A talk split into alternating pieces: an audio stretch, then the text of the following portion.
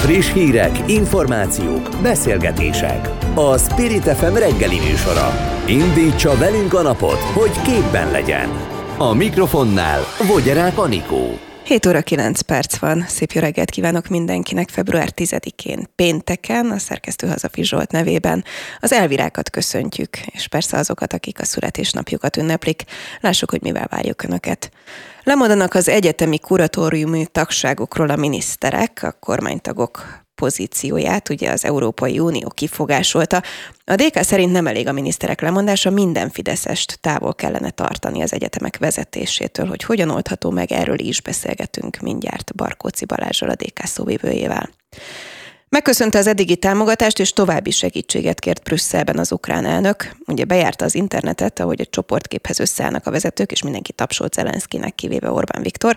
Gyöngyösi Márton viszont a Jobbik LP képviselője ajándékot is adott neki, el fogja majd mondani, hogy mit és miért, és persze megbeszéljük vele az EU csúcs napi rendjét is. Hiányolja az LMP, hogy a kormányülésen nem volt téma az akkumulátorgyár ügye, Tegnap este közben több százan gyűltek össze Debrecenben tüntetni a párt kezdeményezésére, és elkezdték az aláírásgyűjtést is a népszavazáshoz.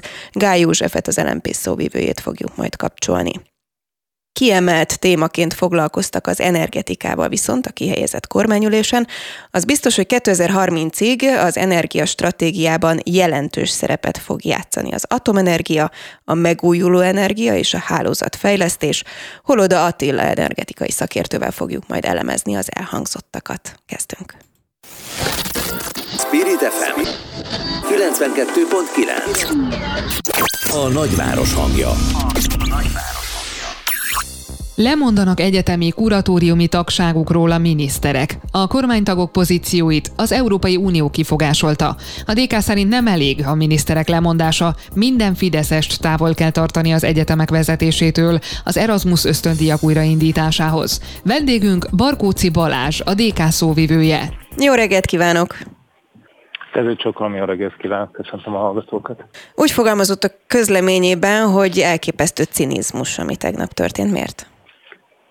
Valóban az ugyanis ezzel, hogy a fideszes politikusok lemondtak a kuratóriumi tagságról, a későbbi pénzügyi összeférhetetlenség nem szűnt meg, amit egyébként az Európai Bizottság kifogásolt ugye ezeknél a közalapítványoknál, tehát bármikor mondhatja ezt egy újabb fideszes mameluk, hogy ő szeretne kuratóriumi tag lenni, mert azt látjuk, hogy nem csak, hogy kiszervezték a közfelügyelet alól az egyetemeket, nem csak az történt, hogy kiszervezték az egyetemi vagyont az ilyen fideszes kuratóriumokba, hanem most még látszat intézkedésekkel próbálják meg menteni a menthetetlen, ez pedig az, hogy nem vehetnek részt pont miattuk a magyar hallgatók az Erasmus Plus programban, a magyar oktatók a Horizont Európa programban, tehát úgy látszik, hogy Orbán Viktornak és a Fidesznek néhány fideszes mameluk újabb közpénzzel való kitömése sokkal fontosabb, mint a magyar hallgatók és a magyar oktatók sorsa és jövője.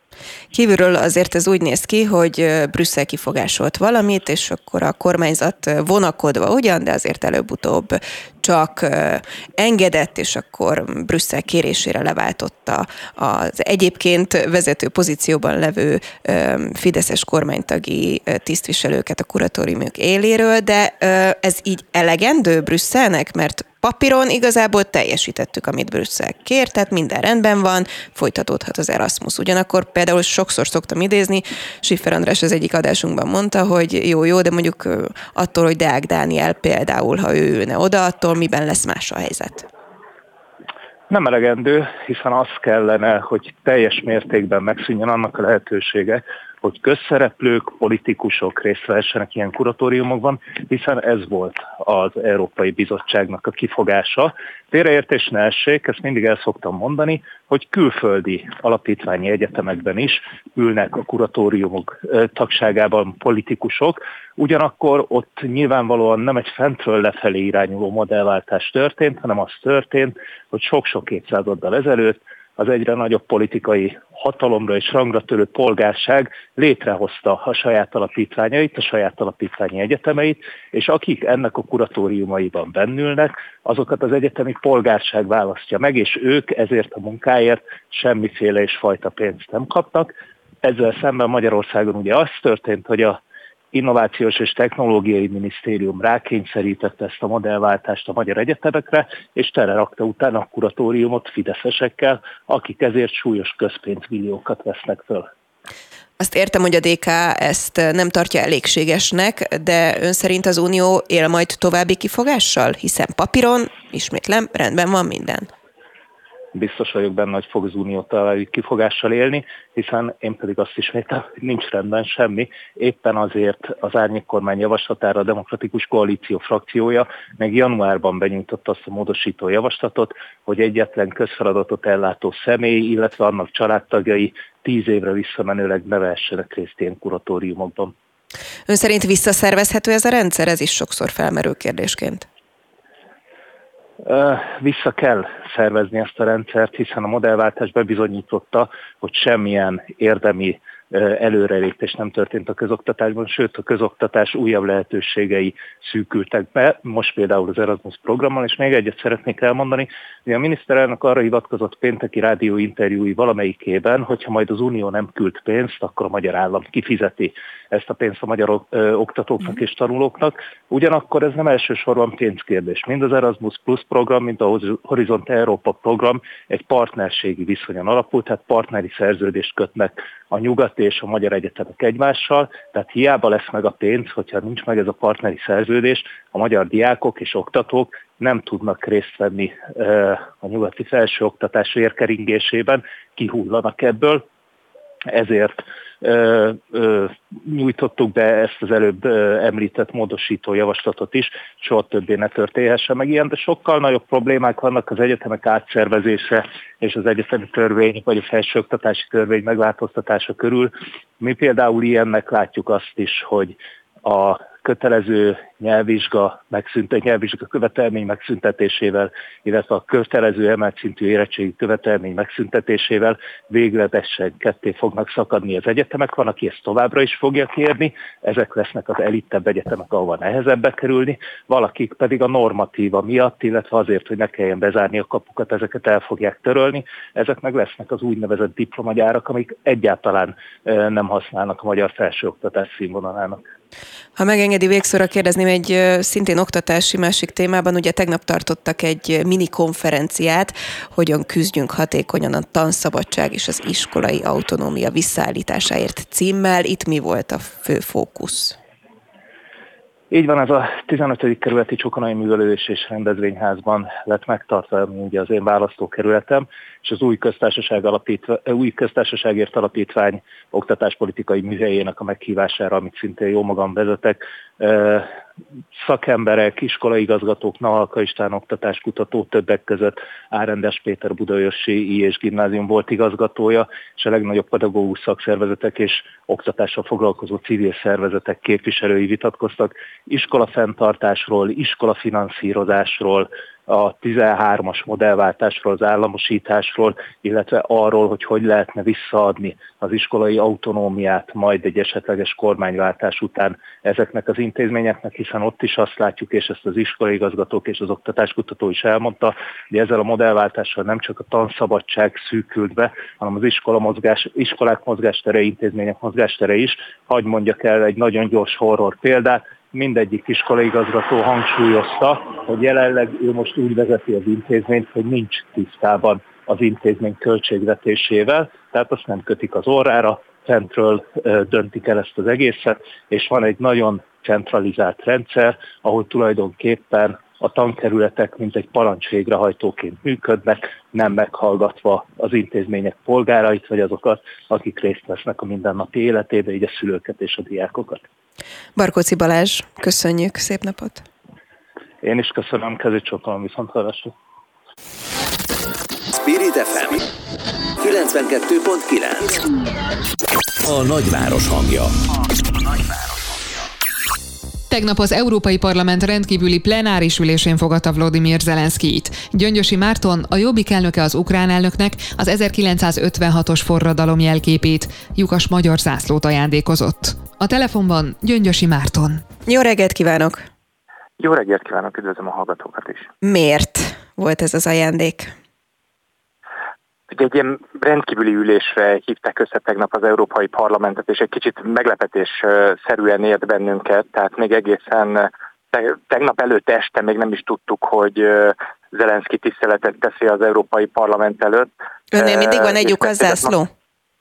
Nem, az irodámban van egy, egy magyar és egy Európai Uniós zászló. A magyart az ülés előtt 10 perccel levettem, kivágtam a közepét, és átadtam Zelenszkinek az érkezése pillanatában a bejáratnál a kezébe nyomtam, és kértem, hogy fogadja el 1956-nak a jelképét, a magyar forradalom jelképét, hiszen ez most roppant aktuális az orosz-ukrán konfliktus esetében is. Mit reagált rá? Volt ideje reagálni? Tudta, hogy mi ez? Hát ugye, ugye aki élt már meg ilyen helyzeteket, vagy látott, az azt tudja, hogy ezek, ezek, ezek ugye nem, ezek nem egyszerű szituációk, ezek elég spontán helyzetek. El tudja képzelni, hogy milyen tömeg várta az Európai Parlamentnél Zelenszkit, tehát óriási tömegeken keresztül érkezett meg ugye az ülésteremhez, és a különböző frakciók vezetői várták a plenáris ülésterem előtt, és én oda mentem és oda léptem hozzá, tehát az egész egy pár másodpercig tartott, de úgy gondoltam, hogy most nem is EP képviselőként, hanem magyar emberként nagyon fontos az, hogy az ukránok és az elnökük az Magyarországnak egy másik arcát is lássa, ne csak azt, amit Orbán Viktor mutat. No hát ez a másik arc, erről volt egy videófelvétel, ami bejárta az internetet, amikor ugye összeállnak a vezetők csoportképre érkezik Zelenszky, és nyilván nem véletlenül pozícionálták pont fölé vagy mellé Orbán Viktort, mindenki tapsol, ő volt az egyetlen, aki nem. Ennek volt bármilyen visszhangja? Hát nézze, én nem tudom, a, ugye én a, a parlamentben voltam tegnap egész nap, tehát nem tudom, hogy ott a jelenlévők körében ennek milyen visszhangja volt, de hát a, a, én a belső kommunikációt látom, uh-huh. illetve látom a sajtóvitt hangokat, és hát ezek mind megdöbbenésről és és hát elképedésről számolnak be. És itt ugye szét, szét kéne választani két dolgot. Ugye van, van a protokoll, meg van a diplomácia illetve, illetve van a nemzeti, nemzeti érdekünk, hazánknak az érdeke. Most mind a kettő nyilván azt kívánná meg, hogy Zelenszky mellé és Ukrajna mellé álljunk, és ennek nyilván a protokoll szabályai szerint ezt ki is mutassuk.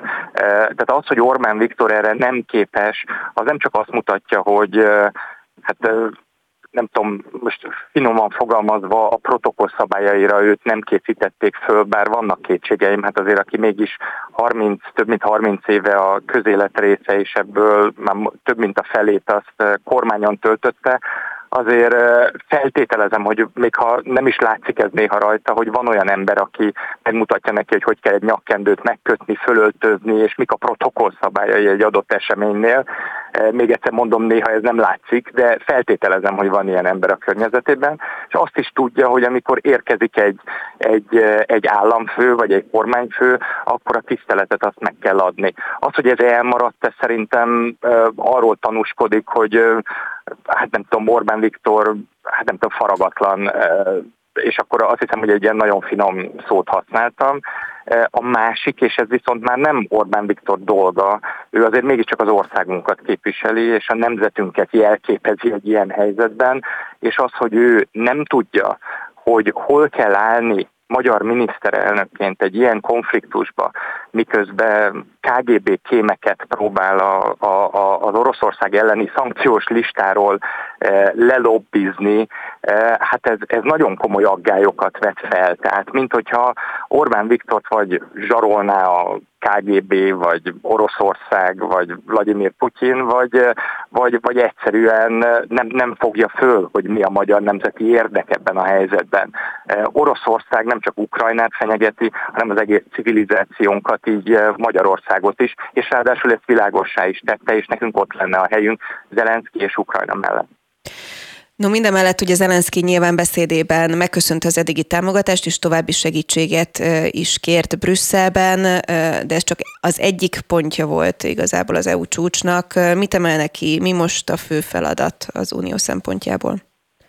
Hát ugye most, hogyha maradunk, maradunk Ukrajnánál, ott ugye az a nagy kérdés, hogy most, hogy a, úgy tűnik, hogy ez a konfliktus, ez, ez újabb szintre emelkedik, ugye Ukrajnát mivel tudja még a, a, a nyugati világ, az Európai Unió és a nyugati civilizáció még megtámogatni.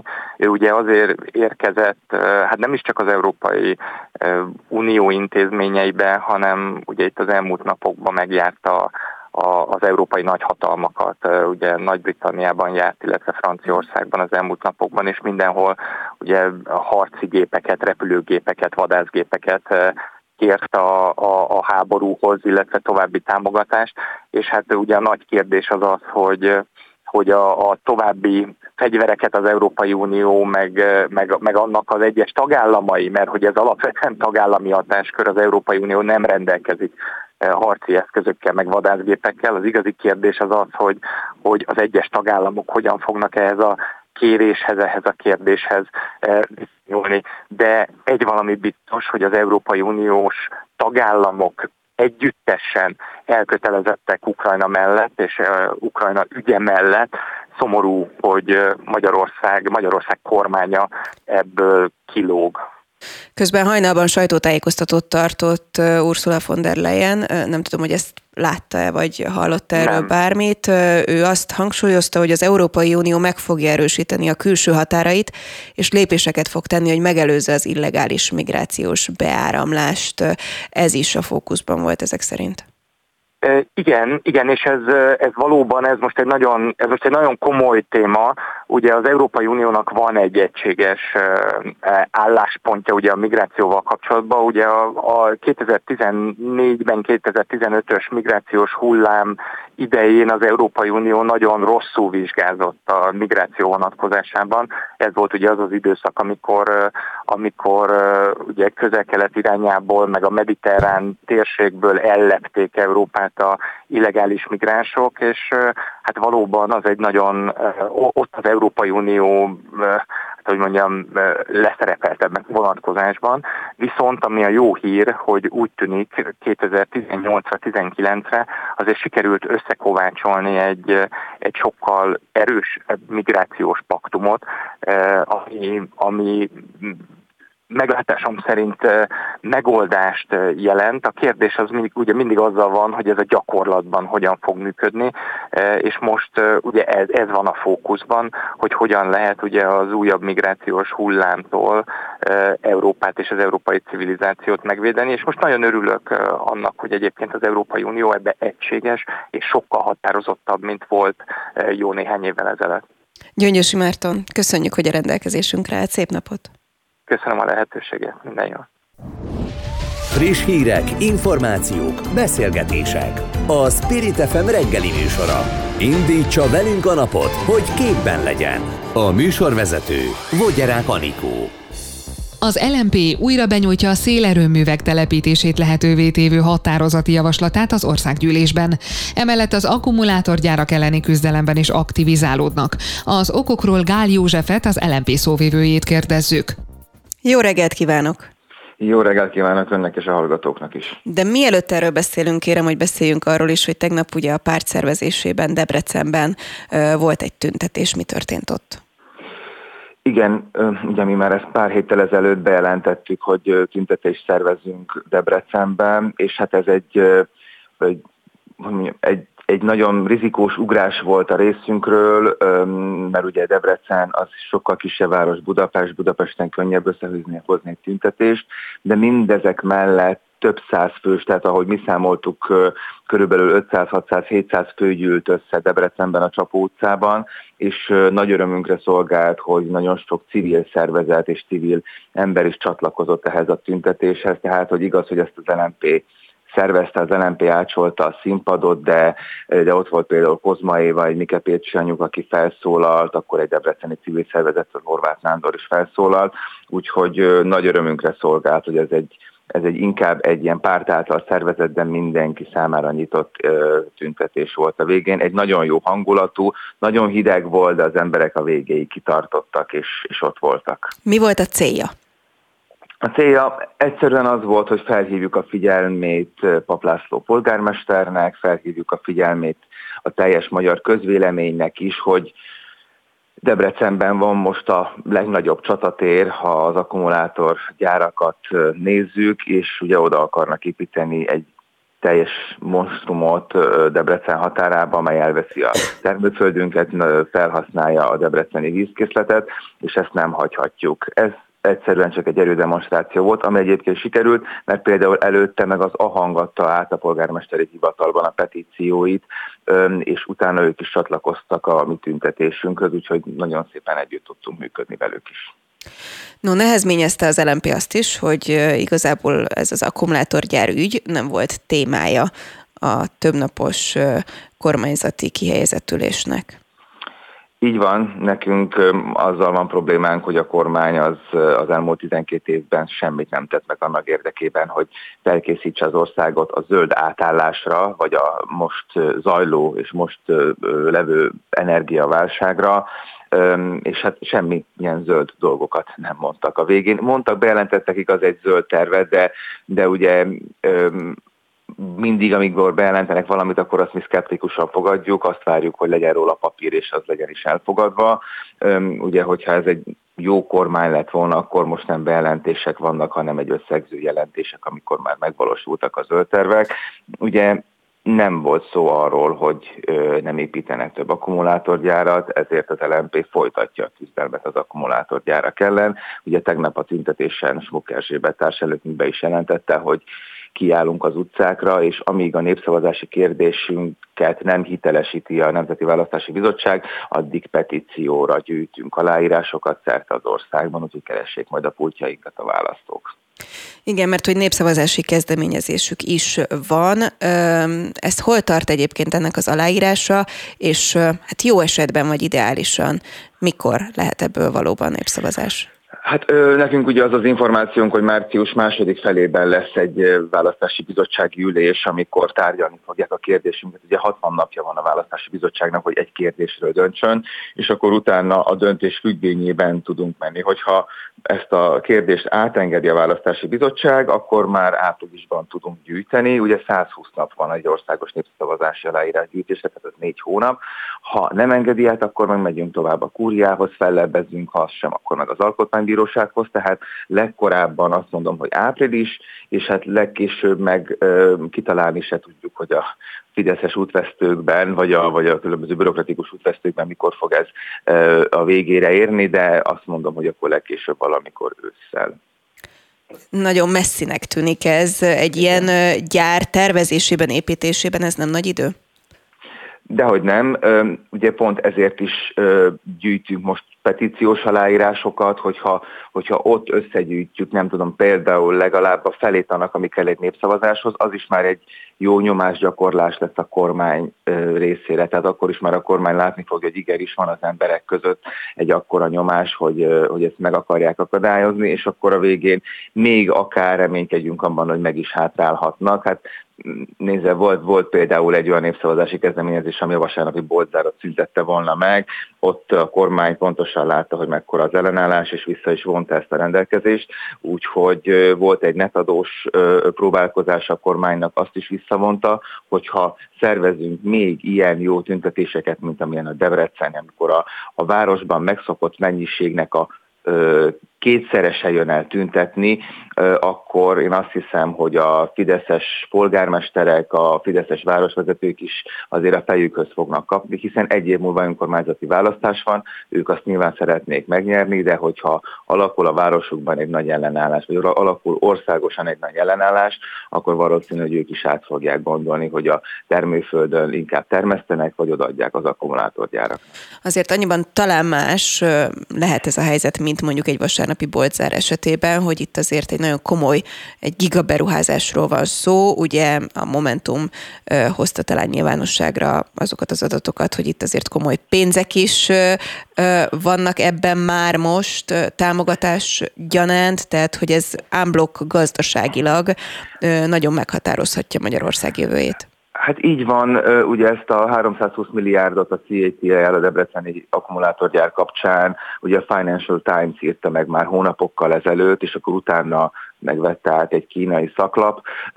Pontosan, tehát ezek nagy beruházások, de ezek külföldi pénzek, tehát hogy ide egy külföldi tőke jön, megtermeli a magáét, az akkumulátorokat legyártja, kiviszi külföldre, mert exportálja, szennyezés itt marad, a profitot meg ez a cég kiviszi, vagy Kínába, vagy Dél-Koreába. Ugye ezek a cégek a nagy állami támogatásoknak köszönhetően nagyon keveset adóznak, eh, ahogy a szakértők kiszámolták, körülbelül 3 és 6 százalék közötti az az adó mennyiség, amit ők a saját nyereségükből befizetnek, holott, egy, holott a társasági adó az 9 százalék, csak a sok kezezménynek köszönhetően ők sokkal kevesebbet vesznek ki a közösből. Tehát, hogy az adófizetők pénzéből a kormány megfinanszírozza ezeknek a gyáraknak az idejövetelét, és még el is engedi pluszba a profitjukból az adót. Ezért mondjuk mi, hogy ez környezet és, és, és valamint emberkárosító is, mert egyszerűen kiveszi a zsebünkből a pénzt ahhoz, hogy szennyezze a saját földeinket. A végszóra persze beszéljünk arról is, hogy benyújtották a szélerőművek telepítését lehetővé tévő határozati javaslatot. Ez miről szól, mi a cél? Ugye a kormány az már tíz éve kvázi tiltja a szélerőművek telepítését, hoztak egy olyan rendelkezést, hogy lakott területtől számított 12 kilométeren belül nem lehet új szélkerekeket telepíteni, kvázi ilyen pont nincs az országban, ami, ami ezen túl van, mert ugye nagyon sűrű Magyarország település szerkezete, és mi mindig arra azért harcoltunk, hogy hogy engedélyezzék, hiszen egy, egy szélkerék az a legzöldebb energiatermelési mód. Ugye tegnap voltam Debrecenben, amikor mentünk, ott láttuk a Mátrai erőművet, amely lignittel, tehát szénnel működik, pöfékelte ki magából a füstöt, ahelyett ott állhattak volna akár szélkerekek is. És ugye Orbán Viktor mondta maga a parlamentben tavaly, hogy ő áll elébe, beszéljük meg, áll, teljesen nyitott ahhoz, hogy a parlament megvitassa a szélerőműveket. Mi beadtuk akkor is ezt a határozati javaslatot, leszavazta a Fideszes többség a bizottságba, tehát hogy még Orbán Viktor elé sem merték vinni. Úgyhogy most, hogy bejelentették megint, hogy valamiféle úton, módon engedélyezni fogják a szélkerekek építését. Mi elébe mentünk és beadtuk határozat javaslatot, mert ezt bejelentették már egy hónapja, bejelentették már három éve, egy éve, és mindig csak bejelentik, és sose történik semmi. Mi akkor hiszük el, hogyha ott van a papír a szemünk előtt. Mit várnak ettől? Hát a mi határozat javaslatunktól azt várjuk, hogy elfogadják, hogy végre csinálják azt, amit mondanak, és, és, és utána adjanak szabad utat a szélerőművek építésének szerte az országban. Gály József az LMP szóvivője, nagyon szépen köszönjük. Köszönöm én is. Spirit FM 92.9 A nagyváros hangja. Hiába szajkózza azt a magyar kormány, hogy energiakérdésben hozzá vagyunk kötve Oroszországhoz, ez nincs így, nyilatkozta a napokban Holoda Attila. Az energetikai szakértő szerint szinte az összes környező országgal össze vagyunk kötve gáz és villamos energia tekintetében is. Így bárhonnan vásárolhatnánk. A kormány amúgy a héten újra elővette az energetikai terveket. Ezeket Holoda Attilával igyekszünk értelmezni. Jó reggelt kívánok! Gyakorlatilag. Na most hallom önt. Jó reggelt kívánok, bocsánat. Jó reggelt. Szóval úgy tűnik, hogy a kihelyezett kormányülésnek kiemelt témája volt az energiastratégia, ugye 2030-ig tartó stratégiát tekintettek át, és azt nyilatkozta Gulyás Gergely, hogy ebben jelentős szerepet fog játszani az atomenergia, a megújuló energia és a hálózatfejlesztés. Mi az, ami kiderült egyébként, miről beszélhettek ők ott Sopronban? Hát elég sok mindenről beszélhettek, gondolom, de ami erről kiderült is, amit a Gulyás Gergely elmondott, az részben fedi azt, amit ő ugye ilyen vázatosan mondott, hogy akkor foglalkozni kell az atomenergiával, energiahatékonysággal, megújulókkal, stb. De aztán amik eh, kiderültek róla, hogy milyen konkrétumokra gondolnak, azok alapvetően nem vagy nem feltétlenül ezekkel foglalkoznak, és eléggé eh, csalódásnak tűnik számomra.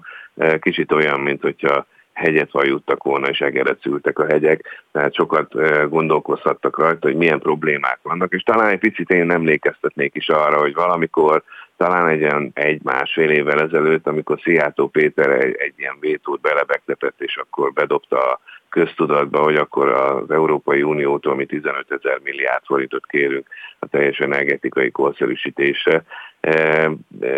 Kicsit ilyen érzésem van, mint hogyha onnan mindent előszeregettek volna, beleértve azokat a fejlesztési terveket, amelyek nem vagy nem kizárólagosan kormányzati és állami feladatot látnak el, például vezetékhálózatoknak olyan jellegű fejlesztése, ami egyértelműen egy-egy adott magánvállalatnak a fejlesztéséhez kapcsolódik, például mondjuk az Adria kőolajvezetéknek a fejlesztése, hiszen e, ezek, e, ezek olyan jellegű feladatok, amiket nagy valószínűséggel az Európai Unió nem fog támogatni, hiszen nem állami jellegű feladatokat látnak el, még akkor sem, hogyha részben vagy legalábbis közvetetten kapcsolódnak az ellátásbiztonsághoz, e, de mégsem az állami feladat lenne ennek a végrehajtása.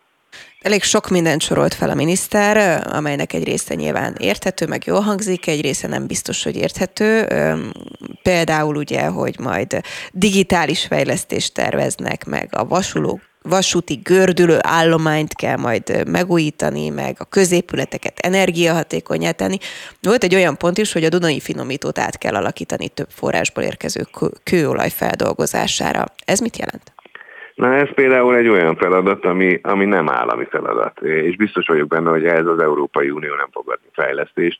Ez azt jelenti, hogy ne csak az urali olaj fogadására legyen alkalmas például a molnak a Dunai finomítója, mondván, hogy eddig csak urali olajat fogadott. Csak hogy ebben a kérdésben azonnal mondhatja azt nem csak az Európai Unió, hanem az Európai Unió egyes tagállamai, mondok példát rá. Például Ausztria mondhatja, hogy a sveháti finomító, ami alig 150 kilométerre van a Dunai finomítótól, az alkalmas arra, hogy 8-9-10 akár másfajta eh, kőolajat fogadjon és feldolgozni legyen képes, és ez annak idején bizony az OMV a saját profitjának a terhére a saját fejlesztési programjának a keretében valósította meg, és nem állami támogatásból, hiszen ez egy üzleti tevékenység.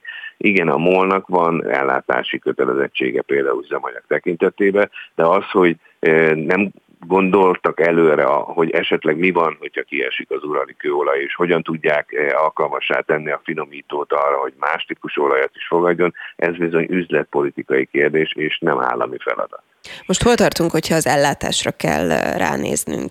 Akár gáz, akár olaj, ön most hogyan látja jelenleg a helyzetet februárban? Jelenleg úgy néz ki, hogy földgáz esetében abszolút nincsen semmi probléma, teljesen folyamatos az ellátás eh, érkezik hozzánk, és ugye amit a felvezetőben is elhangzott, hogy én többször említettem, hogy ha bár a kormány szereti beállítani úgy, hogy mi csak az oroszoktól tudunk földgáz kapni, ez most sincs így, tehát nem, és nem kizárólagosan orosz földgázforrás érkezik Magyarországra, ugyanúgy érkezik Ausztria, Szlovákia, Horvátország vagy éppen Románia felől Magyarországra földgáz, tehát az a fajta infrastruktúrális fejlesztés, amit mondjuk az elmúlt 15 évben megvalósított a mostani kormány és az azt megelőző kormány is, az egyértelműen azt jelentette, hogy lehetővé tette, hogy Magyarország részévé váljon a nagy európai földgáz infrastruktúrának, és ugyanez igaz egyébként a villamos energia tekintetében is, ahol még egy picit jobb is a helyzet, hiszen ott valamennyi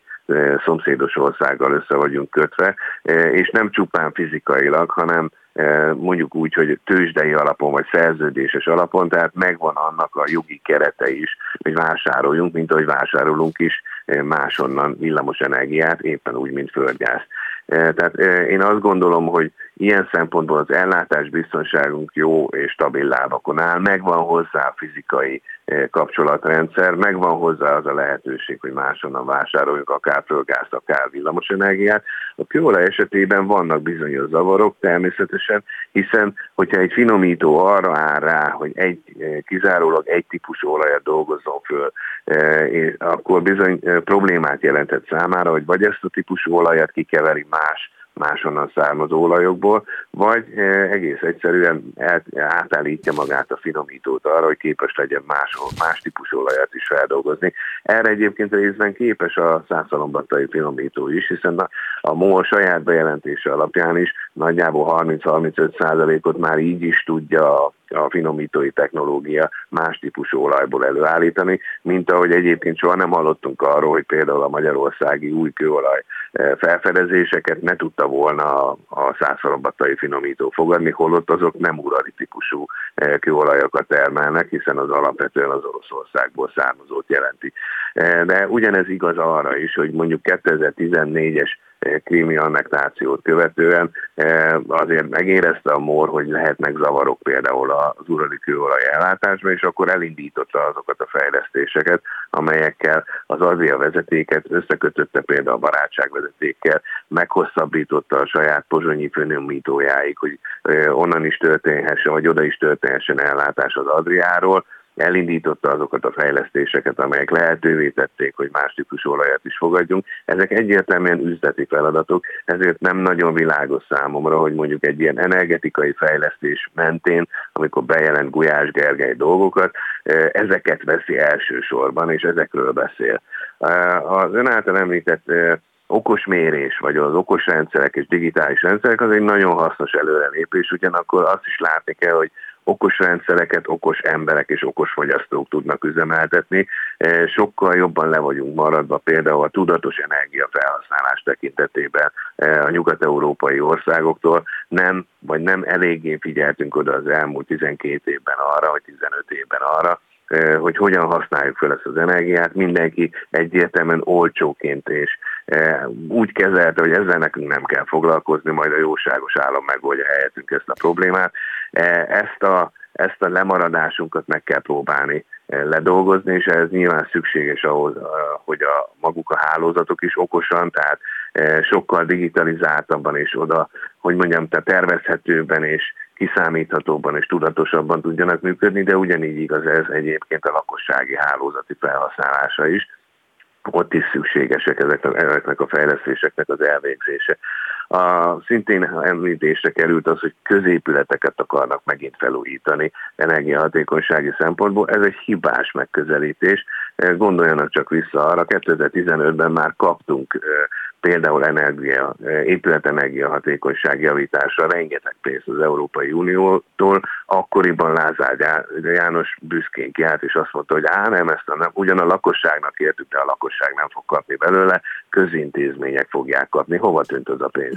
Miért nem arra fordították? Nagy valószínűsége egy csomó más helyre elment ez a pénz, amit egyébként az Európai Unió éppenséggel a lakossági korszerűsítésre szánt, és ez a legnagyobb falat, amivel, amiben nagyon-nagyon hiányolom a, a kormánynak az ezzel kapcsolatos elképzeléseit, a lakossági épület energiahatékonyság javítás, hiszen itt folyik el a legtöbb pénz, itt történik meg az, hogy ha bár eh, ahogy szoktuk mondani, energiaszegénységgel sújtott a magyar lakosság, de éppen emiatt nincs rá pénze hogy megtegye azokat a felújításokat, eh, amelyek ahhoz szükségesek, hogy ne pazaroljuk az energiát, kevesebb energiából érjük el ugyanazt a komfortfokozatot, amit megszoktunk. Ne az legyen a cél, hogy fagyoskodunk itt-ott, ott iskolába, intézményekben, vagy éppen otthon, eh, hanem sokkal hatékonyabban tudjuk felhasználni az energiát.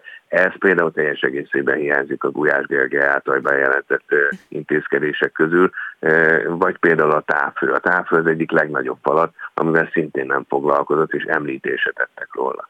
Maradt még kb. kettő percünk, de mindenképp szeretném, hogyha beszélne arról is, hogy volt önnel is egy hosszú cikk a hírklikken az akkumulátorgyár kapcsán, és hát fontos kérdés, ebben ön is mondja, hogy hát az akkumulátorgyártáshoz bizony igen sok energiára van szükség. Erre alkalmas most Magyarország? Tehát rendben van, hogy most megvan mindenünk az áram tekintetében, de el tudunk látni könnyedén egy ilyen mértékű gigagyárat és árammal? Hát erre, erre igen rövid a válasz, nem tehát nem tudjuk ellátni, hiszen hogyha belegondolunk abba, hogy jelenleg is Magyarország 30%-át az energi- a villamos energiafogyasztásnak importból szerzi be, a földgázfogyasztásnak a 85%-át importból szerzi be, akkor természetesen az ember abba gondol bele, hogy kitalál ki olyat, hogy egy hatalmas energiaigényű vállalatot és egy, egy iparágat hoz ide Magyarországra, ráadásul nem is kismértékben, hanem egyúttal már ilyen gigantikus tervekkel, hogy Magyarország akkor majd micsoda akkumulátor nagyhatalom. Ezt gyorsan hozzáteszem,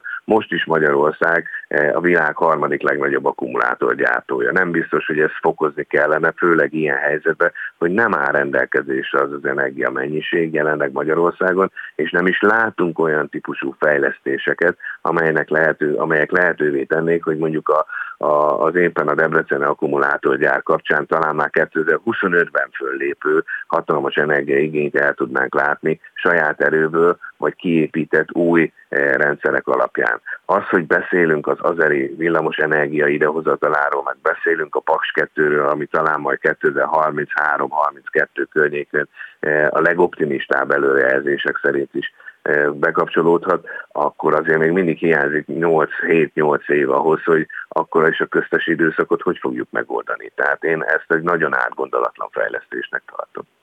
Szavai szerint nagyon röviden ez úgy tűnik, mintha egy ilyen fiktív dolog lenne, pedig azért elég komoly visszhangot kap politikailag is, hát meg nyilván a helyiek életében is.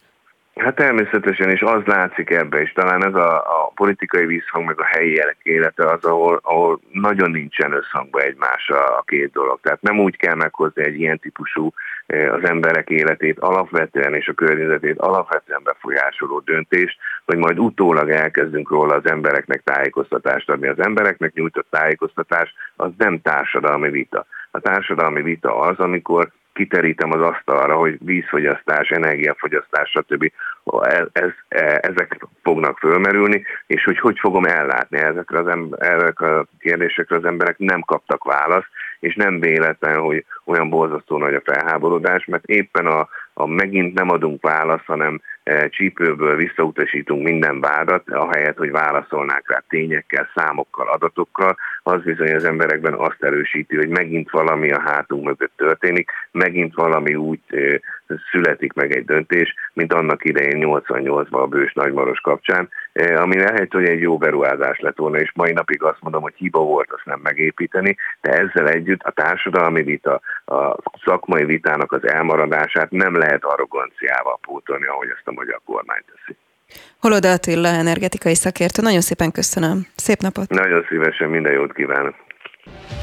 Friss hírek, információk, beszélgetések. A Spirit FM reggeli műsora. Indítsa velünk a napot, hogy képben legyen. A mikrofonnál Vogyerák Anikó. 8 óra 6 perc van. Jó reggelt kívánunk azoknak, akik most csatlakoznak, és persze azoknak is, akik már hallgatnak minket egy órája. Lássuk, hogy mivel foglalkozunk még. Kilenc könnyűzenei versfeldolgozás mellett prózai szövegeken keresztül mutatják be Petőfi Sándor munkásságát a Petőfi 200 című zenés irodalmi előadásban. Mindjárt Ugron Zsolnával, József Attila Díjas íróval beszélgetünk, majd ő az egyik szerzője a darab szövegkönyvének. Mesterséges intelligencia, amely képes akár orvosi vizsgát is tenni, valóban hatással lesz a tudományos életre, a tudás alapú munkaerő iránti keresletre, az úgynevezett chatbot, és egyáltalán milyen jogai vannak. Nagy Teodóra jogászt fogom majd kérdezni a terület szakértőjét. Az évszázad legnagyobb foci botránya robbant ki Angliában. Egri Viktorral fogunk majd beszélgetni, mert ő szakértő velem ellentétben arról, hogy hova vezethet mindez, és mit jelent egyáltalán a sport világában. És az adás végén természetesen kapcsoljuk Novák András kollégámat is, aki kint van Törökországban, és újabb és újabb megrázó történeteket szokott posztolni, elmondja majd, hogy most mi a legfrissebb helyzet a földrengés sújtotta területen. Spirit FM 92.9 A nagyváros hangja. A nagyváros. Kilenc könnyűzenei versfeldolgozás, Petőfi Sándor forradalmi lelkülete, a szabadság és a szerelem mindent elsöprő ereje, és természetesen a költő alakja is megelevenedik abban a zenés irodalmi előadásban, amely hamarosan ingyenes, országjáró körútra indul a Petőfi 200 Közös Jó a Szabadság című programsorozat keretében. Ugron Zsolnát köszöntöm, jó reggelt kívánok, üdvözöllek! Jó reggelt, szia! Aki az egyik írója a szövegkönyvnek. Ez egy egészen különleges darab, hogyha amennyi most látszik belőle számunkra, amennyit látunk belőle, hiszen egyébként népszerű könnyűzenei előadókat kértek föl, és hát népszerű írókat, köztük téged is, hogy a darab szövegkönyvét összeállítsátok. Hogyan dolgoztatok? Hát a, a népszerű előadók az stimmel, tehát a, a kilenc zenei előadó, kilenc zenekar dolgozott fel Petőfi Sándor verseket, ezek a dalok, ezek a videoklippek az előadásnak a, a gerince valójában, és ekköré írt a én szövegkönyvet. És valójában az is timmel, hogy nem egyedül írtam, hiszen nagyon sok vendégszöveggel dolgoztam, úgyhogy rajtam kívül, akik még megjelennek íróként ebben a darabban, ők Petőfi Sándor, Szendre Júlia és Adi Endre, tehát az ő eredeti szövegeiket építettem be ebbe a kerettörténetbe, ami egyfajta narratívára fűzi fel ezeket az elkészült dalokat. Hogyan? Mi, van-e története ennek, vagy ez egyfajta lenyomata igazából Petőfi életének, munkásságának?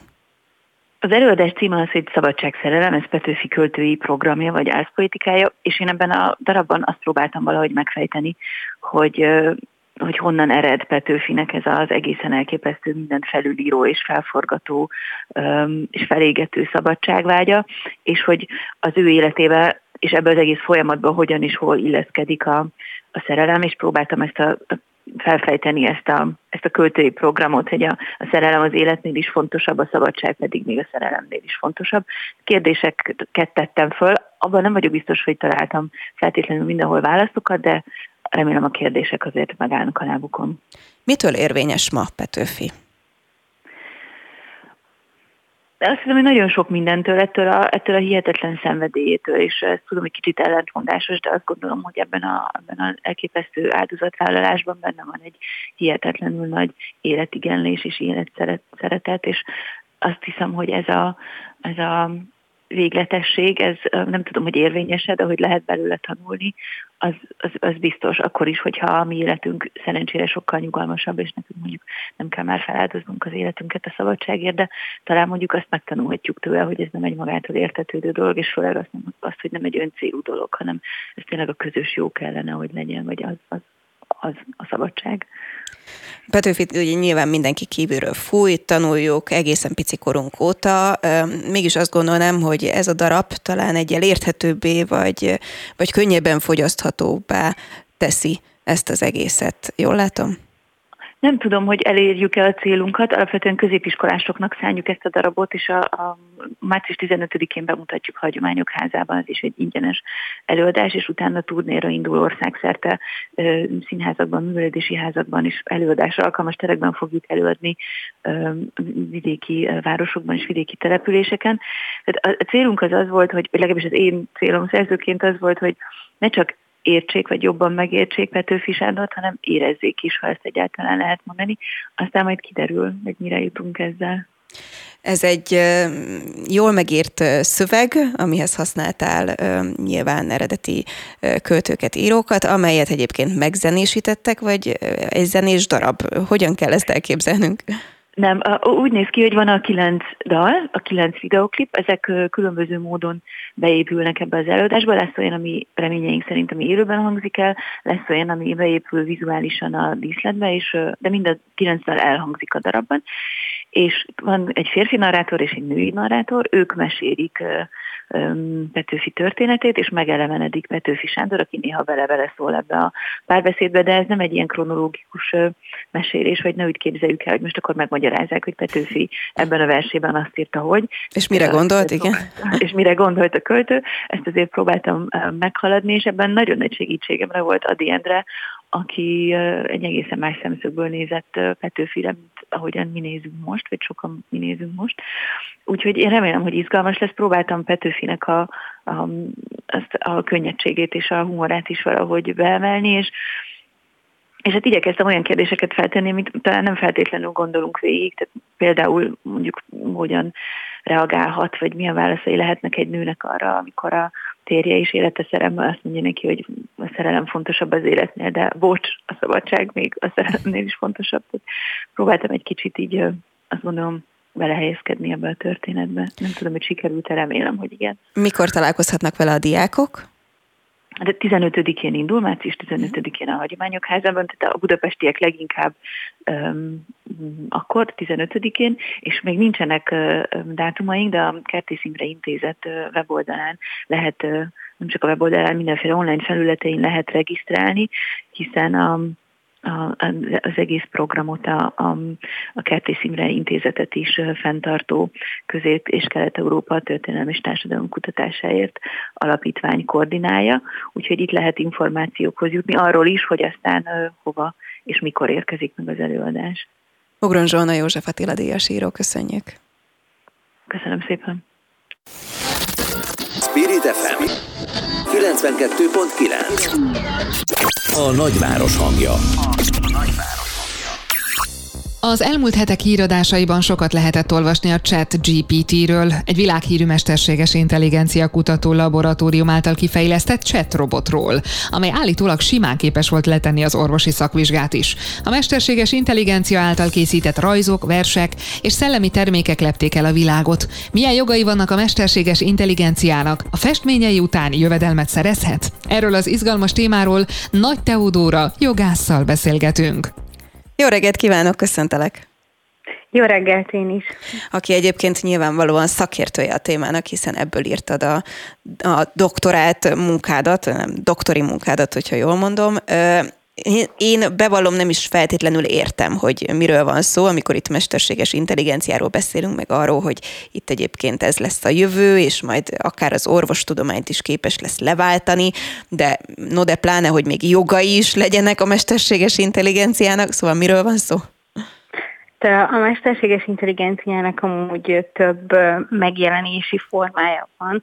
Azért amikor először ezekkel találkoztunk, Skifibe láttuk őket humanoid robotok formájában, és már csak utána volt az, amikor a, a testük elvált a, a gépektől, és igazából maga az algoritmus vagy a számítógép az, ami mesterséges intelligenciának van nevezve.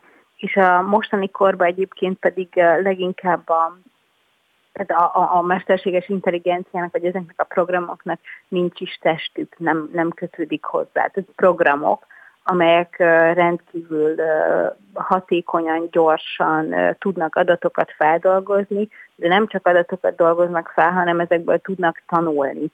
És, és ami, amitől intelligensnek nevezzük őket, tehát hogy hasonló kognitív folyamatok mentén, mint ahogy az emberek alkotnak és gondolkoznak, össze tudnak kapcsolni bizonyos tényeket, és abból valami új dolgot vagy következtetés levonni.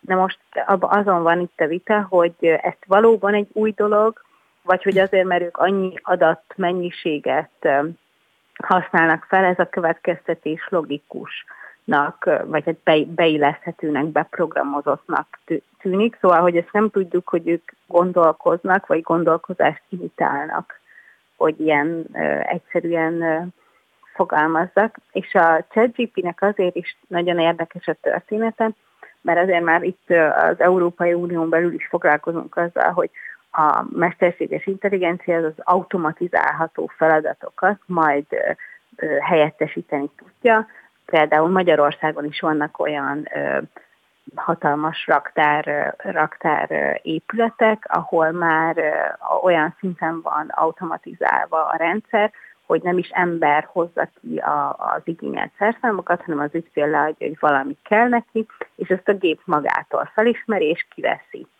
a rendszerből, és az, az volt eddig a feltevés, hogy ilyen típusú munkafolyamatok nagyon könnyen helyettesíthetőek lesznek robotizációval és mesterséges intelligenciával. A ChatGPT az pedig azért más, mert itt viszont kreatív munka folyamatokat csinál és imitál a gép, meglepően hatékonyan. Nem tudom, hogy a kedves hallgatók próbálták-e, ezt a programot. Egyébként van magyar nyelvű és angol nyelvű verziója is. Az angol nyelvű sokkal pontosabb, mivel hát egy jóval nagyobb adatbázissal dolgozik és foglalkozik. És, és hát nagyon meglepő az, hogy tényleg ilyen kódszavakat kell bele táplálni, vagy megadni, és abból meg lehet adni, hogy ki mit szeretne íratni vele. Szóval uh, itt, itt tényleg a, a szakdolgozatoktól kezdve egyszerű Facebook posztokon át bármi uh, lehetséges, és ugye az írást is egy olyan kreatív folyamatnak gondoltuk eddig, amit uh, nehezebb uh, gépesíteni. Csak ugye azzal nem számoltunk, hogy ennek az eszköznek, és ez az eszköz még nincs csatlakoztatva az internethez azt is szeretném megjegyezni, hogy ez jelen, ebben jelenleg csak úgymond manuálisan a fejlesztők tápláltak ellenőrzött adatokat, mert pont az volt a lényege, hogy nem akarják, hogy, a, hogy az interneten nagyon sok álhírrel, konteóval teleszemetelődjön, és hogy ezért ne legyen hiteles, amit ő visszaad az a kép. Tehát most jelenleg úgy ellenőrzött információk kerülnek bele, de volt például egy olyan kísérlet, vagy gondolatkísérlet, amiben valakivel egy, egy személyel csetelt, aki a végére meggyőzte a ChatGPT arról, hogy Hillary Clinton az elnök. Tehát, hogy ez is, hogy az információknak, amit, ami a ő birtokában van, ugye ő nem tudja megállapítani azt, hogy mi igaz és mi hamis, csak azt látja valamiről, hogy egy adott adat. És ugye ebből is lehetnek problémák, amikor ő feldolgozza, a, a, a, vagy ír, ír valamit, hogy annak a hitelessége az egyébként még mindig nem ellenőrizhető, vagy nem teljesen ellenőrizhető, és, és, ez, és ebből voltak is amúgy ügyek meg botrányok, egy, egy ilyen technológiai témákkal foglalkozó újság tavaly óta több mint 70 cikket iratott a ChatGPT-vel, amik tökéletes, formailag tökéletesek voltak, de tartalmilag kívül sok téves tényező volt benne, és ebből is jött úgymond a, a lebukás, hogy nem ők írják, vagy nem ellenőrzik a, a, a cikkeket, és aztán elkezdték átírni és ellenőrizni és adófeltüntetni, hogy ezzel az eszközzel ezzel az eszközzel írták, illetve már arról is voltak hírek, hogy többeket, akár újságírókat, vagy ilyen kreatív szövegírókat, copywritereket elbocsájtottak a munkáikról, mert hogy kiderült, hogy a szövegeiket a chat GPT-vel írták. Tehát rengeteg, rengeteg része van, meg eleme. Ezt hogyan, ezt hogyan tudja akár csak a jogi szakma lekövetni? Hát hiszen amit felsoroltál az elmúlt percekben, az hihetetlen sok jogi kérdést vet föl. A plágiumtól elkezdve odáig, hogy egyébként mondjuk, hogyha egy művészeti alkotást alkot egy ilyen mesterséges intelligencia, akkor annak például milyen további jogai vannak, tehát hihetetlenül szertágazó, csak jogi szempontból is. Igen, igen. Vannak ugye most a önálló szabályozás az nincsen erre a területre, a meglévőeket kell segítségül hívni ilyen esetekben.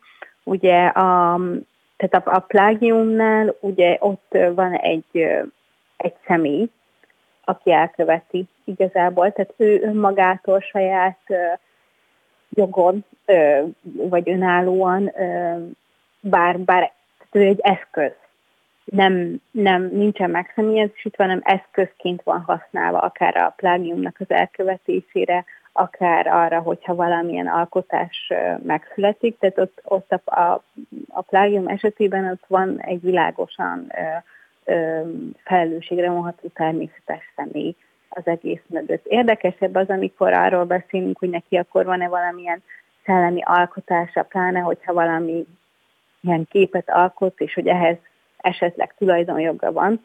Ugye itt is az van, hogy ő, úgy néznek ki az alkotások, amiket létrehoz, mint hogyha önállóak lennének, de hogy meglévő dolgokból ö, tesz össze valami újat a kódszavak alapján. Tehát, hogy amúgy ezeknek az eredetisége is vitatható, vagy, kérde, vagy ö, igen, tehát hogy vitatható, mert a, a szellemi alkotásoknál ö, az a lényeg, hogy valami új legyen, valami egyedi legyen, és azt illeti meg a védelem.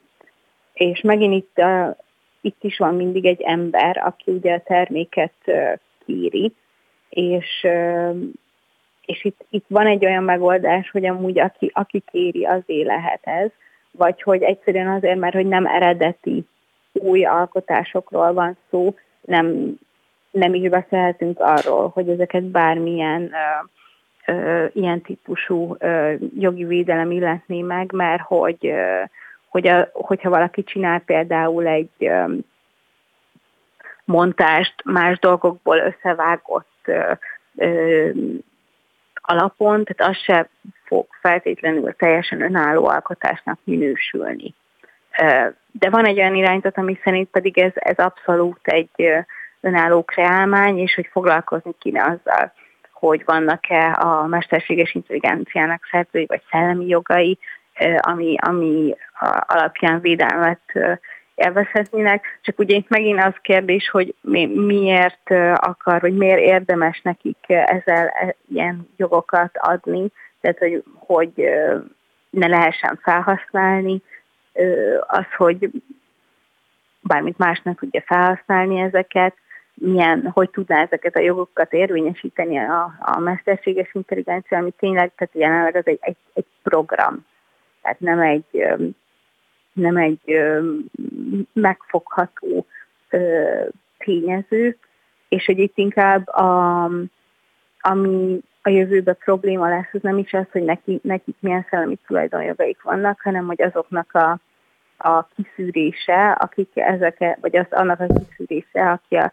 mondjuk a saját munkáját, vagy kreatív munkáját akarja eladni önálló dologként, holott egy ilyen eszközt használta az elkészítésére.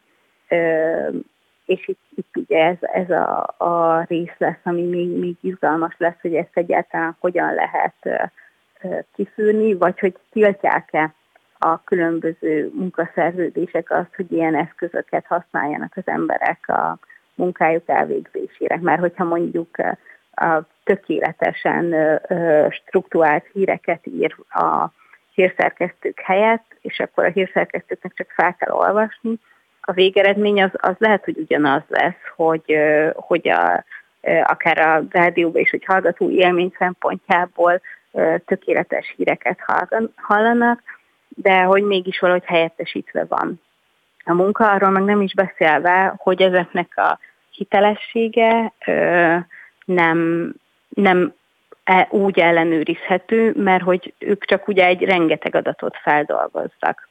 És kérdés, hogy mi van akkor, hogyha mondjuk kárt okoznak, akkor kivonható felelősségre, akár csak mondjuk egy álhír kapcsán, vagy bármi kapcsán? A, most nagyon abba az irányba megy a jogi szabályozás, meg azt a tendenciát akarja követni, hogy itt is mindenhol van mögöttes ember, aki használja. Szóval, hogy ő önállóan... A fejlesztő? Magától, hát nem is a fejlesztő, hanem aki bediktál. Szóval, hogy ha mondjuk áthírt kreál, ö, ott valaki, aki éppen az adott program használója, az megadja a paramétereket, hogy mi, miről akar hírt, és abba mondjuk beletesz valamit, valamilyen álhírt. Ö, például ezt, hogy, a, hogy a, most csak, hogy, hogy semmilyen mást nem mondjak, hogy a Hillary Clinton az Egyesült Államok elnöke. És mm. hogy ezt, ezt leközli, akkor itt az álhírnek, akit ezt, ezt az álhírt a tömegekhez eljuttatja személy, az tehető felelősségé. Az megint más kérdés, hogy az álhírek kapcsán milyen felelősségi szabályok vannak, és hogy ezek megint érvényesíthetőek, de a fejlesztő olyan szempontból, aki a programot készíti, pláne most, hogy ők ugye ők, mert most jelenleg úgy működik a program, hogy vannak manuálisan bele emelve ellenőrzött tények, adatok, amit, ami, amik tényleg fokozott ellenőrzésen esnek át, és ezen felül az emberek az alapján, hogy beszélgetnek a programmal, is tudnak beletáplálni információkat, amit utána ellenőriznek folyamatosan, csak annyira a, hát az emberi agy és működés nem gyors, mint amennyire gyorsan ö, ö, használják ezt az eszközt, és ezért van olyan, hogy vannak ilyen esetek, amikor valamilyen nem ellenőrzött vagy nem hiteles információ át tud menni rajta.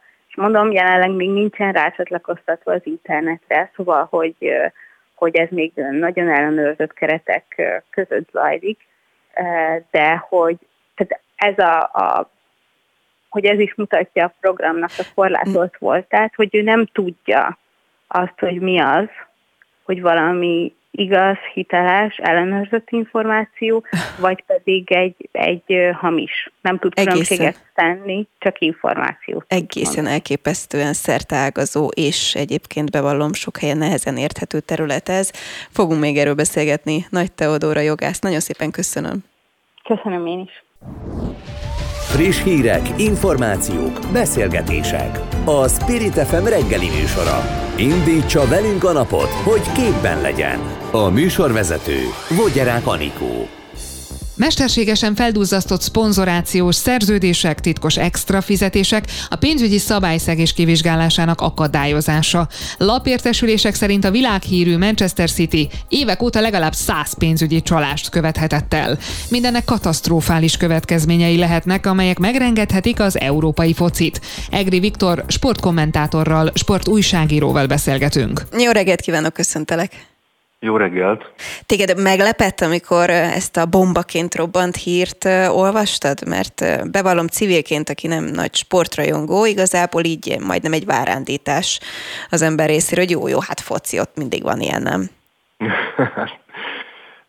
Nyilvánvalóan léteznek ilyenek. A nagy kérdés az, hogy miért pont most robbant ez ki, mert az ember fejében egyébként ott lehetett az, hogy a Manchester City-nél valószínűleg nem minden stimmel, mert hogy 2020-ban volt egy hasonló eljárás a klub ellen, ami utána a svájci sportdöntőbíróságra került, és hát végül is az a testület felmentette a City-t ebben a kérdésben, de előtte az UEFA hosszasan vizsgálta, hogy minden rendben van-e a, a klub anyagi elszámolásaiban, úgyhogy ilyen szempontból nem volt meglepő, csak hát miért most, most történik ez? Na miért? Hát ez 2009-es történet gyakorlatilag, vagyis hát azóta zajlik a Manchester City körül az az ügy, amiben most egyszer csak lépett a Premier League. Hát miért? Igen, jó kérdés. Sokan azt mondják, és azt gondolhatják, hogy ugye az előző években az Európai Superliga gondolata az felmerült, sokakban, ugye magukban a legnagyobb klubokban is szerettek volna az UEFA-tól kilépni, lehet, hogy egyes esetekben ezért indul most támadás a legnagyobb klubok ellen. Ugye Olaszországban a Juventus az a csapat, amelytől ebben a bajnokságban már 15 pontot levontak, szintén anyagi elszámolásbeli problémák, mondhatni azt, hogy csalás miatt. De ez csak egy feltételezés. Ugye pont tegnap jött ki egy hír egyébként, hogy a Superliga gondolatát nem vetették el a csapatok, hanem most már 60-80 együttes bevonásával szeretnének egy félig meddig az UEFA égiszén kívül működő rendszert létrehozni. Tehát lehet egy ilyen ellentét a háttérben. Ugye azért a Katari világbajnokság az előző időszakban a futballban lévő korrupció kérdését ezt eléggé a felszíre dobta. Lehet egyébként, hogy a, az ilyen jellegű vizsgálatok mondjuk a világbajnoksággal, meg az Európai Parlamentig elérő katari lobby tevékenységgel kapcsolatban vezettek oda, hogy most a Manchester City-nél is úgy érezték, hogy lépni kell. Szóval nagyon sokféle oka lehet, minden esetre szerintem most ez elég sok mindent megváltoztathat a futballban. Mindjárt beszéljünk arról, hogy mi mindent, de visszacsatolnék a Superligához, hiszen ugyan nem vagyok óriási sportszakértő, de szerencsére például Róna Iegon az, aki az imént itt sétált a stúdióba, és mondtam, hogy veled fogok beszélgetni, és mondta, hogy mindenképp kérdezem a Viktort a Superligáról. Szóval, hogy itt ebben mi az izgalmas?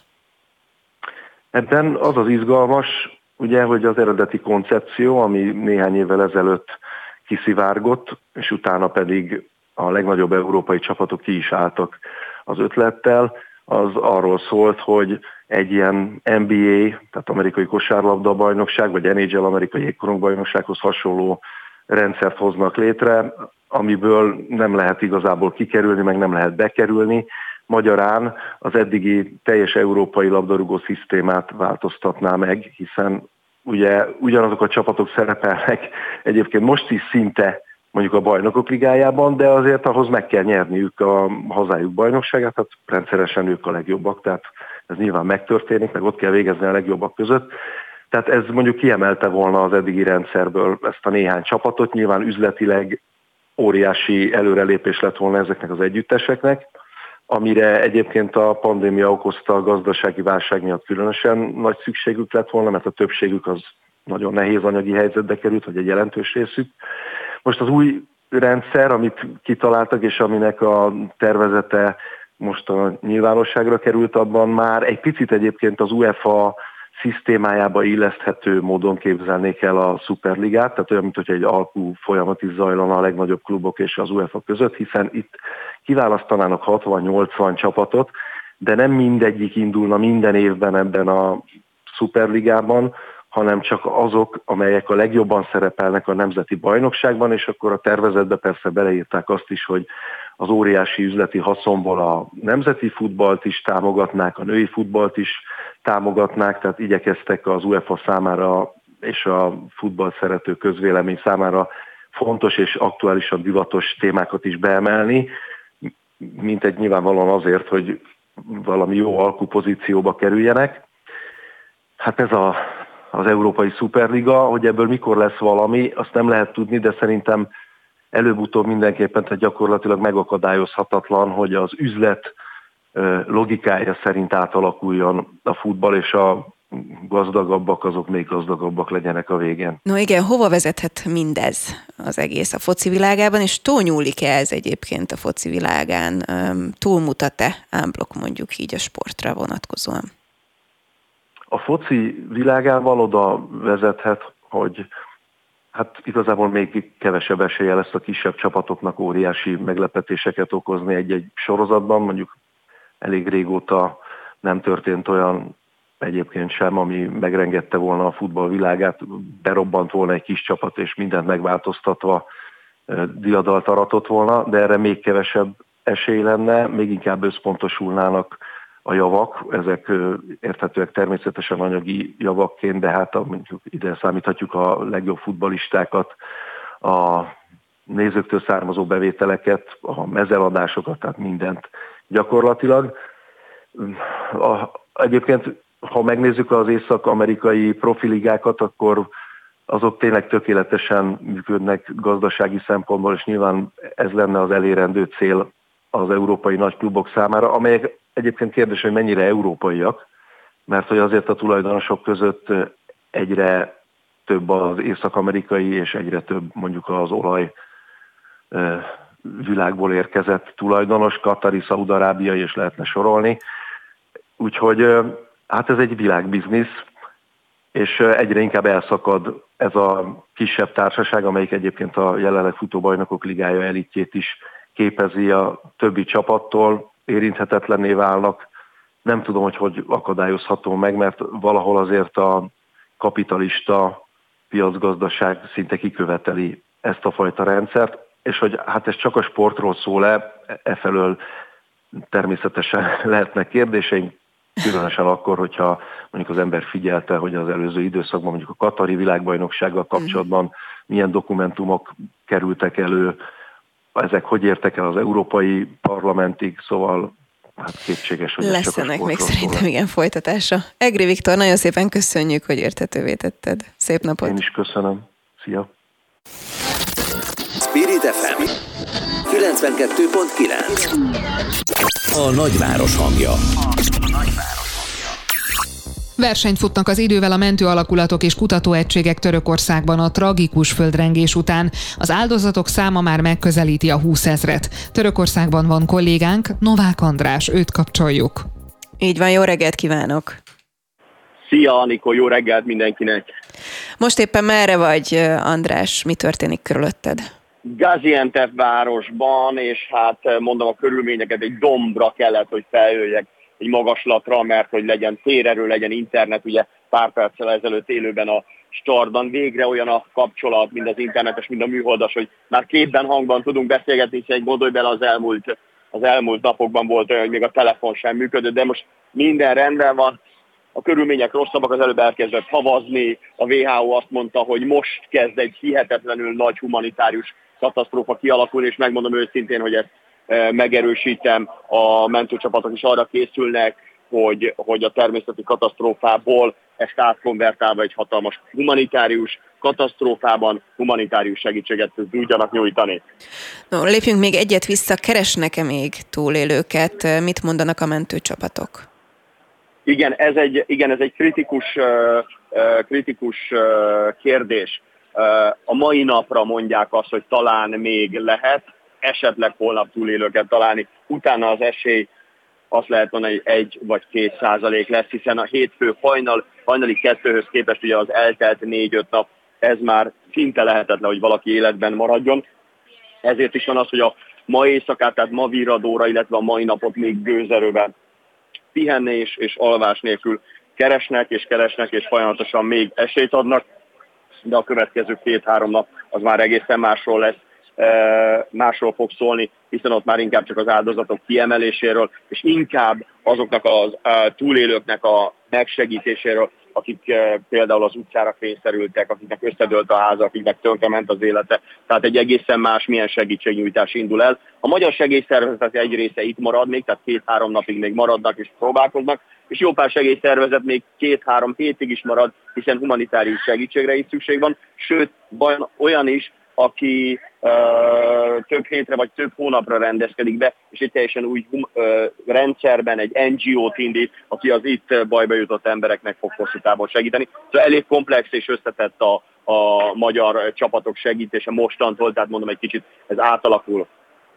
Hogy látod, mi a legnagyobb kihívás most, amikor a túlélőknek az ellátásáról van szó, hiszen lehet hallani mindenfélét. Az időjárás a legnagyobb gond, amivel meg kell küzdeni, vagy azzal, hogy nincs elég eszköz, nincs elég élelem, volt arról is szó, hogy van, ahol nincs áram. Bármit soroz, kevés van, bármit soroz, kell, kevés az áram, kevés a víz, kevés az élelem. Az emberek nagy többsége a, a, a, a földön alszik, sátrakban alszik, ugye ez a téli időszak van, tehát hihetetlen kegyetlen nulla vagy mínusz 5 fokban egy sátorban aludni. A fűtés úgy van, hogy összehordanak mindenféle fát, szemetet, és azt égetik, és akkor köré rakják a gyerekeket, hogy ne fázzanak. Hát maga a, a terület az egy hihetetlenül nagy, tehát olyan, mint hogyha 5-6 Magyarország megyényi területről beszélünk, és, és csak nem 20 millió, vagy több mint 20 millió embert érint, és nem csak Törökország, hanem Szíria, és Szíriában még rosszabb a helyzet. Oda alig jutnak be az NGO-k, alig tudnak bemenni a nemzetközi szervezetek, ugye a szír-török határ le van zárva, Szíria ellen embargó van, nem lehet leszállni Damaszkuszban, nagyon szerencse magyarok vannak, tehát a, a Máltai Szeretett Szolgálat ott van és tudnak segíteni, de hát ott is nagyjából 7-8 ezer az áldozatok száma, és több tízezer sérültek meg Szíriában. Sajnos nem tudunk bemenni, tehát teljesen hermetikusan le van zárva a határ, nem is eh, engedik ki, a törökök egyelőre nem uh, nem nyitják meg a határt, de hát a szíroldalon sem lehet tudni pontosan, hogy mi van. De hát itt is egy humanitárius vészhelyzetről beszélünk Törökországban. Tehát most már kevesebbet fogunk a következő napokban a, a túlélők kimentéséről beszélni, inkább az itt lévő emberek megsegítése lesz a fő téma. Tegnap miről szólt a te napod? Miről forgattál? Halló? Milyen... Halló, mondom, tegnap miről szólt a te napod? Miről forgattál? Milyen történettel találkoztál? Uh, megrázó volt Hatályban egy tízemeletes házban 300 holtestet találtak. Egyszerűen felfoghatatlan, és ez, ez ilyenkor nagyon megüti az embert. Ugye érzelmileg az is hihetetlen megdöbbentő, amikor kiemelnek egy kislányt, és mennyire örülünk neki, majd átmegyek egy pár kilométerrel arrébb, és azt látom, hogy egy ház alatt egy ilyen tornateremben, zsákokban, és mindenféle ilyen uh, pokrócokba takarják az áldozatokat, és mondták, hogy, hogy csak nem 300 áldozat volt ebben a házban, senki nem élte túl a földrengést. Közben meg mutatják a különböző videókat, nekem is jönnek oda az emberek, amikor látják, hogy kamerával, meg látják az ATV-s mikrofont, jönnek mutogatni, hogy nekik ilyen felvételük van, fölvették, fölvették, és hogy mesélik a történeteiket, hogy a nagymama, az anyuka marad bent, a, a rokonaik maradtak bent, rettentő sokan kérnek segítséget, rettentő sok üzenetet kapok. Én életemben ennyi török üzenetet még nem kaptam Messengeren, meg Instagramon, hogy látják, hogy itt vagyok, és hogy küldjünk ide mentőegységet, küldjünk oda mentőegységet, át ez szinte megoldhatatlan. A tegnapi nap erről szólt. A mai napod miről fog szólni? Gaziantep városban a hihetetlen hat, nagy rombolás végzett itt is a, a földrengés, egy meccset is összedőlt, szerencsére nem voltak benne emberek, mellette több épület itt fogok forgatni, interjúzni, és a, a, a megbeszéltek szerint van egy fixerem, ugye van egy helyi ember, aki megmutatja, hogy itt milyen körülmények vannak. Úgy kell elképzelni Gaziantep város, hogy a, egy, azért ez egy nagy város. A belvárosban különböző sátrakban laknak azok a családok, akiknek összedőlt a háza, és akkor velük fogok beszélni, forgatni. Nagyjából most ez a terv amit lehet követni egyébként a Facebook és az Insta oldaladon, hiszen oda folyamatosan töltött fel a tartalmakat, és persze az Igen, megpróbálom a pozitív tartalmat feltölteni. Ebben a percben, mielőtt telefonáltunk, kaptam a baptistáktól a felvételt. Én nem voltam ott, másik helyszínen voltam. Egy nagymamát emelnek ki a török kollégáikkal együtt. Pavel Celaci vezette, ugye most a Pavel Celaci videója bejárta Igen. a világot, itt a török sajtóban is vezető hír lett, hogy elsírja magát megmondom őszintén, hogy, hogy ez egy óriási sikerélmény. Tehát ennyi nap után egy nagymamát kiemelni, aki azt mondom, hogy teljesen jól van, pedig csak nem három napig tök sötétben, mínusz öt fokban a romok alatt, hát le a kalappal, mindenkinek nézzétek meg a felvételt. De mindjárt az ATV-n is kint lesz egyébként az ATV Facebook oldalán. Novák András, Törökországból köszönjük, és vigyázz magadra. Köszönöm szépen. Böngésző. Mivel foglalkoznak a vezető internetes portálok? Hogyan találnak egyes híreket? Mire kattintanak a legtöbben? Böngésző. A Spirit FM reggeli műsorának online lapszemléje. Címlapsztorik, értekezések, izgalmas információk. Böngésző. Hazafi Zsolt szerkesztő érkezett a stúdióba is hozzám. Szép jó reggelt! Három számomra érdekes hírt hoztam a 24.hu-n egy olyan dologról olvastam, amit még életemben nem hallottam, hogy vaj csata van Magyarországon. Az atv.hu-n van egy remek, nem vicces, behúzó cím, nem mondom már a végét, de arról szól, hogy brutális mértékben drágul valami, kíváncsi leszek, hogy ezt kitalálod, de hogy mi az a valami, és a hvg.hu egy olyan kifejezést hallottam, vagy olvastam, amiről még nem hallottam, hogy létezik-e ilyen, de ezt is ki fogod szerintem találni, hogy milyen kontextusban. Egy újabban sokat emlegetett személy egy olyan kifejezést dobott be, amit lehet, hogy ő alkotott meg, hogy fikabíró ez a három hír, ö, nem tudom, melyik érdekel téged. Fergeteges felhozatalunk van. Na, nyilván kezdjük a hard news a drágó valami, és közben én azon gondolkoztam, hogy igazából nem is kell tippelgetni, mert szinte, már bocs az ltv.hu-tól, szinte nincs hírértéke annak, hogyha valami drágó, nem? De azért ez egy olyan dolog, ami ö, majd Amire a te, nem számítok?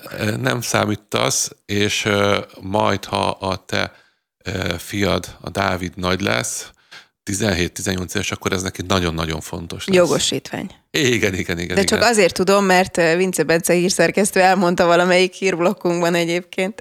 Ugye az a történet, hogy en online felületen kell minden utat előre bejelenteni, hogy ki hogyan, merre vezet éppen. Ugye ez pénzbe kerül, és ezt ráterhelik a, Na hát. felemelkedik az ár, nem csak a benzinár, ugye azért, mert megvan, hogy hány órát kell vezetni, meg hány kilométert mm. kell, és a, állítólag, én ezt ugye nem tudom, trükköztek ezzel az oktatók, mert ha egy ö, olyan hát. fiatal ö, srác, aki mondjuk otthon az apukájának a kocsiját nagyon sokszor el tudta kötni vagy megkapni, az már elég jól tudott vezetni, és lehet, hogy nem kellett annyi, nem tudom hány óra vezetésem, csak fele, és akkor ebbe így tudtak trükközni, mindenki jól járt. Na most ez a trükközés, ez be fog zárulni. Szerintem el fog jönni ez az időszak, amikor GPS alapú lesz, tehát hogy még azt is fogják nézni, hogy hogy menj, hogy menj, nem csak az online ilyen önbevallásos rendszerbe, hanem lesz egy olyan szituáció is, amikor nagyon-nagyon precízen meg lesz, hogy hány métert vezet egy tanont. Bevallom, sofőrként nem biztos, hogy ágálok ez ellen, hiszen azért lássuk be, és te is vezetsz, elég fura alakok vannak az utakon, akik szoktuk mondani, hogy nyerte a jogosítványát talán. Nem nem vagyok benne biztos, hogy ez, ez az oktat, társi részem van. Mert hát én... mondjuk arra is kíváncsi vagyok egyébként, hogy melyik oktató az, aki fel tudja venni a versenyt ezzel az új digitális megoldással. Tehát, hogyha én arra gondolok, hogy amikor én nem ma letettem a jogosítványt, és már akkor is idős volt az én oktatóm, kizártnak tartom, hogy például ő csettintésre ezt a digitális átállást meg tudja oldani, hogy vezesse azt, hogy akkor honnan, hova, meg mi, meg. Hát, de kell, kényszer. Ilyen a kényszer. No nézzük, mi az a vajcsata. Na ez az, amit uh, majd én kérem a te segítségedet, Na. mert kitört a nagy áruházláncok között, erre 24.hu ír a vajcsata, hogy így egymás alá ígérnek, hogy hol olcsóbb a vaj, hogy ez ennyire kulcs, tehát hogy... Hát, lehet, hogy valakinek az életében az, most megpróbálnék visszagondolni, hogy mikor kentem vajat utoljára. Mire? Hát hónapokban mérhető szerintem. Én nem, nem, nem élek ezzel a termékkel. Aha. Én csak azt tudom elmondani, hogy, hogy régen, amikor én gyerek voltam, akkor csak vaj volt, alig volt margarin, mert olyan margarin volt, uh-huh. amit nem lehetett kenni. Azóta nagyon sokat fejlődött a margarinipar, de most a legújabb trendek szerint az nem annyira egészséges, nem, bizony. és nagyon sokan állnak át újra a tejalapú uh-huh. vajra, ami miatt hát lehet, hogy nagy kereslet van róla. Ezt tudom mondani, hogy ha valakit érdekel a 24.hu-n, el tudja olvasni, Nézze hogy meg. beindult a vajcsata, és ez árcsökkentést okozhat. Szuper, valaminek csökken az ára. Na és akkor végszóra Fikabíró, fikabíró. a fikabírót, és mit jelent? Tudod te, hogy ki alkotta ezt a fikabírót? Ezt nem tudom azt a mondatot idézni, mert, mert szerintem megbüntetne bennünket az NMHH, de egy ismert jogi területen foglalkozó kamarai elnök mondta azt, hogy egy kis járásbírósági fikabíró Aha, kifejezést. Ez csak nem egy újabb szemelvény a Blik igen, oldaláról. Igen. Ez most nem, ez most én a hvg.hu-n olvasom, de most már azért nem tudom követni, már, hogy ömlenek ki az anyagok. Ki, igen, a Völner Sadl botrányról van szó, és a hangfelvételek. A Sadl úr beszélt így, bár most ezt az úrt, akkor most ezt így idézőjelbe rakom, egy bíróról, aki valami olyan módon keresztbe tett neki, hogy, Ami neki nem tetszett. És azt is írja az újság, hogy ki akarta rugatni, de nem sikerült. Hozzáteszem, hogy ezek mind vádak, tehát hogy majd a bíróság dönti el, hogy valóban így történt-e, vagy nem. No, hát ezt a témát majd behozzuk szerintem az Editor című műsorunkban is, ahol ugye szerkesztők beszélgettünk újságírók a hét híreiről majd ma kettő órakor, úgyhogy ebben is számítunk a figyelmükre, illetve hát este persze Ostrom, este hétkor Tarjányi Péterrel, aki biztonságpolitikai szakértő és a háború történéseit fogjuk kibeszélni. Hazafi Zsoltnak köszönöm a ma reggeli adást és közreműködést, mint ahogy Kátai Kristóf kollégámnak is. Legyen nagyon szép hétvégéjük, viszontalásra!